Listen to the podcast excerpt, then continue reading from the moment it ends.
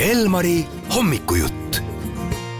tere hommikust, head kuulajad ja turvalist liiklemist soovime teile. meil on nüüd telefonil liiklusohutuse osakonnast ekspert Transpordiametis Diana Okas, tere hommikust, Diana! tere hommikust! me räägime kõrvalistest tegevustest juhina, no millised on need kõrvalised keelatud tegevused juhina? no tegelikult keelatud on ju kõik asjad, mis äh, segavad seda peamist ülesannet ehk et siis äh, juhtimist, mis iganes sinna juurde, kõik söömine, joomine, telefoni kindlasti käes hoidmine, sellega sõnumite lugemine, saatmine ja nii edasi ja nii edasi, et see nimekiri on jah, üsna lõputu ega need tegevused ju maailmast otsa saa ja väga raske on neid eh, kohati autost eh, eemal hoida. mõtled küll, et no ega ma suurt ju midagi siin ei tee, aga juba mitu sekundit silmad eh, tee pealt eemal olnud. kas te jälgite iga-aastaselt või kui tihti, et kuidas inimesed ise hindavad seda, kuidas nad roolis käituvad? Jaa, me küsitlusuuringut korraldame, seal on ju tulnud suisa välja, et äh, juhtidest selline kakskümmend kaks protsenti on sattunud liiklusohtlikku olukorda tänu sellele, et nad on siis tegelenud millegi muuga, neid tegevusi ja seal roolis on ju niivõrd palju, mida see juhtki peab tegema, vaatama seda liiklust, märke, teisi liiklejaid, kõik need situatsioonid, et vast see kõige olulisem on seal see, et kus su silmad parajasti on. et inimese aju ei suuda kahte asja korraga teha seda on meil teadlased just ära tõestanud ja, ja silmad ei saa vaadata ka kahte kohta, et ikkagi see hetk, kui mu silmad on kusagil mujal millegi muu peal ja tähelepanu seal, siis äh, just sellel hetkel võib seal liikluses midagi väga-väga olulist jääda märkamata, et äh, et meie liiklejad kõik, äh, see ei puuduta ainult autojuhte, sama on ka jalakäijad, jalgratturid, võiksid selle peale mõelda, ennast nii palju tundma õppida, et et mida tehes ma satun sellistesse äkki olukordadesse, kus ei ole, ei ole kõike nii hästi ja on nagu mingi oht tekkinud just tänu sellele, et ma olen teinud samal ajal midagi muud. ma arvan, et peale minu on neid veel, kes on avastanud ka seda, et isegi kui ma räägin käetaba süsteemiga mingisugust kõnet, milles ma olen mõtetega kohal,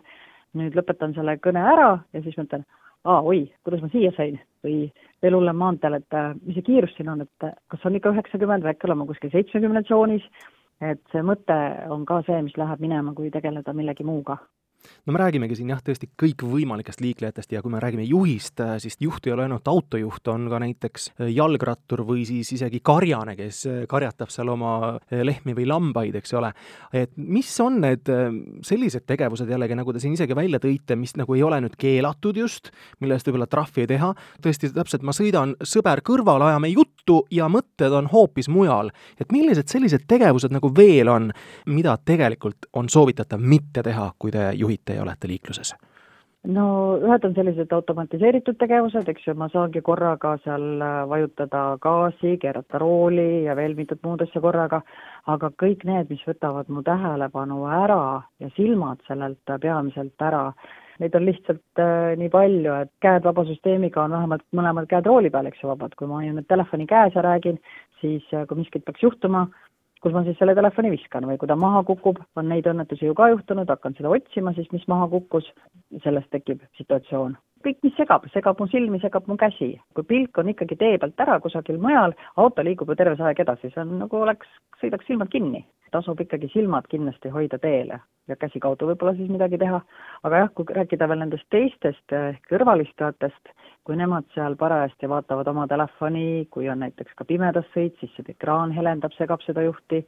või kui on mõnel kombeks, et oot, näe, vaata, kui lahe asi siin ekraani peal on või kas see välja näidata, et näed, mis, mis seal kõik on, kui ilus maja või ma ei tea, rebane jookseb, et äh, kõik see on see ju tegelikult, mis juhti segab ja küsitlusest on tulnud välja see küll, et äh, inimesed ei taha, et meie juhid sõidu ajal tegeleksid millegi muuga. ikka tahetakse õnnelikult kohale jõuda seda me tahame kõik, aga elus juhtub igasuguseid asju. kas inimesed oskavad teie hinnangul nendest ohuolukordadest ka õppida, et tõesti nagu ongi, silmad on kuskil eemal, teed midagi muud ja satud eh, halba olukorda, aga õpid sellest ma arvan jah, need, kes on kokku puutunud selle teemaga, on äh, loodetavasti sellest õppinud. väga targad on need inimesed, kes õpivad teiste vigadest. üldjuhul on inimestel miskipärast selline tunne, et noh, kui ma siiamaani pole midagi juhtunud, küllap ma siis saan ka edaspidi hakkama, et see minuga ei juhtu, see suhtumine on meil üsna kõvasti sees, et äh, enda kogemusestki, kui ma olin noor juht, mul oli šokolaaditükid olid kõrvalistmel, ütlesin, et noh, et olin ette valmistunud, et nüüd võtan ja panen suhu ja miskit õnnetust ei juhtu, olen hästi tähelepanelik juht, aga nii kui silmad sinna koos selle käega keerasid, tuli see vasak käsi koos rooliga kaasa ja kui ma siis silmad uuesti üles tõstsin, olin ma kraavi perve peal, nibin-nabin, sain sealt minema, see oli minu õppetund. Nii et äh, vastu siis need, kes on selle situatsiooni sarnase või midagi muud läbi elanud, ehk on nemad siis õppinud sellest ja, ja targad õpivad ka teiste omadest siis. kuidas olla aga eeskujuks nii lastele kui ka ütleme teistele täiskasvanutele, et nad nagu näeksid, et vot nii ei tohi teha või, või nii peaks äh, tegema ja käituma, et ma näiteks olen näinud üks pereema, ma ei tea, kas ta viis lapsi kooli või lasteaeda ja samal ajal ise meikis ennast, vaatas sinna taha vaata peeglisse ja värvis huuli äh, ise autoroolis olles, see ju ei ole eeskuju ei ole jah, see ei ole kindlasti hea eeskuju, see on eeskuju küll, aga mitte hea, on ju. et äh, laste puhul ongi täiskasvanud lapsevanemad on need, kes ongi need suured eeskujud, isegi kui nad ei mõtle selle peale, nad on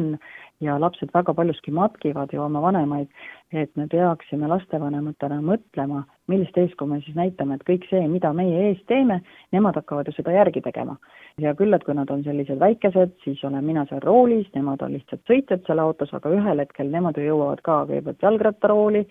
siis autorooli taha et nad ju siis jätkavad sedasama mustrit, et äh, see hea eeskuju ja, ja need väärtused on hästi oluline nagu edasi anda ja teha kokkulepped lastega, et äh, mis on liikluses need äh, sellised mitteturvalised käitumised ja kindlasti põhjendada ära, et miks nad seda on, et mis siis juhtub, mitte lihtsalt noomida, et sa ei tohi seda või seda või seda, aga et just miks, miks vastused ka ja mõnikord aitab ju lihtsalt sellest kahest tähest ka, kui sa enda mõttest läbi lased, kui tuleb mõni kõne, mis sa tead, et võib minna keeruliseks või liiga pikaks või liiga asjalikuks, ütledki lihtsalt ei, et praegu sõidad ja, ja tegeled sellega hiljem. see on, ma arvan, ka kolleegidele ja, ja teistele täiskasvanutele päris mõnus eeskuju jaa, see on väga ju arusaadav, aktsepteeritav, et äh, ma ise ka, kui ma olen kusagil äh, liiklussituatsioonis, vaatan vastavalt siis sellele, et äh, mis kõne see on, kas ma ei võta teda üldse vastu, saab ju alati tagasi pärast helistada, või kui olen maanteel või kusagil, jah, ma räägin, aga nüüd, kui tekib äh, keerulisem hetk, ütlen sinna teisele poole, et äh, üks hetk korra, ma teen ühe möödasõidu, kõik inimesed saavad ju aru mm, -hmm, ma korra ootan, see situatsioon on möödas ja nüüd me võime edasi juttu rääkida, kui, kui on võimalust, on ju. aga see peaks olema küll meil ühiskonnas täiesti mõistetav aktsepteeritav, et äh, ei pea kohe vastama kõigele, mitte miskit vahepeal ei saa hullu juhtuda, helistan lihtsalt tagasi või, või juhina jään korra seisma äh,, räägin jutu ära ja siis sõidan edasi. et see võimalus on ju ka alati olemas Teie see šokolaadi söömise näide oli väga hea meeldetuletus, üleüldse terve see intervjuu oli väga hea meeldetuletus nii mulle kui ka ma usun, et paljudele teistele ka, kes on päris palju autoroolis, aitäh teile, Diana Okas, selle väga asjaliku ja vajaliku intervjuu eest! aitäh teile!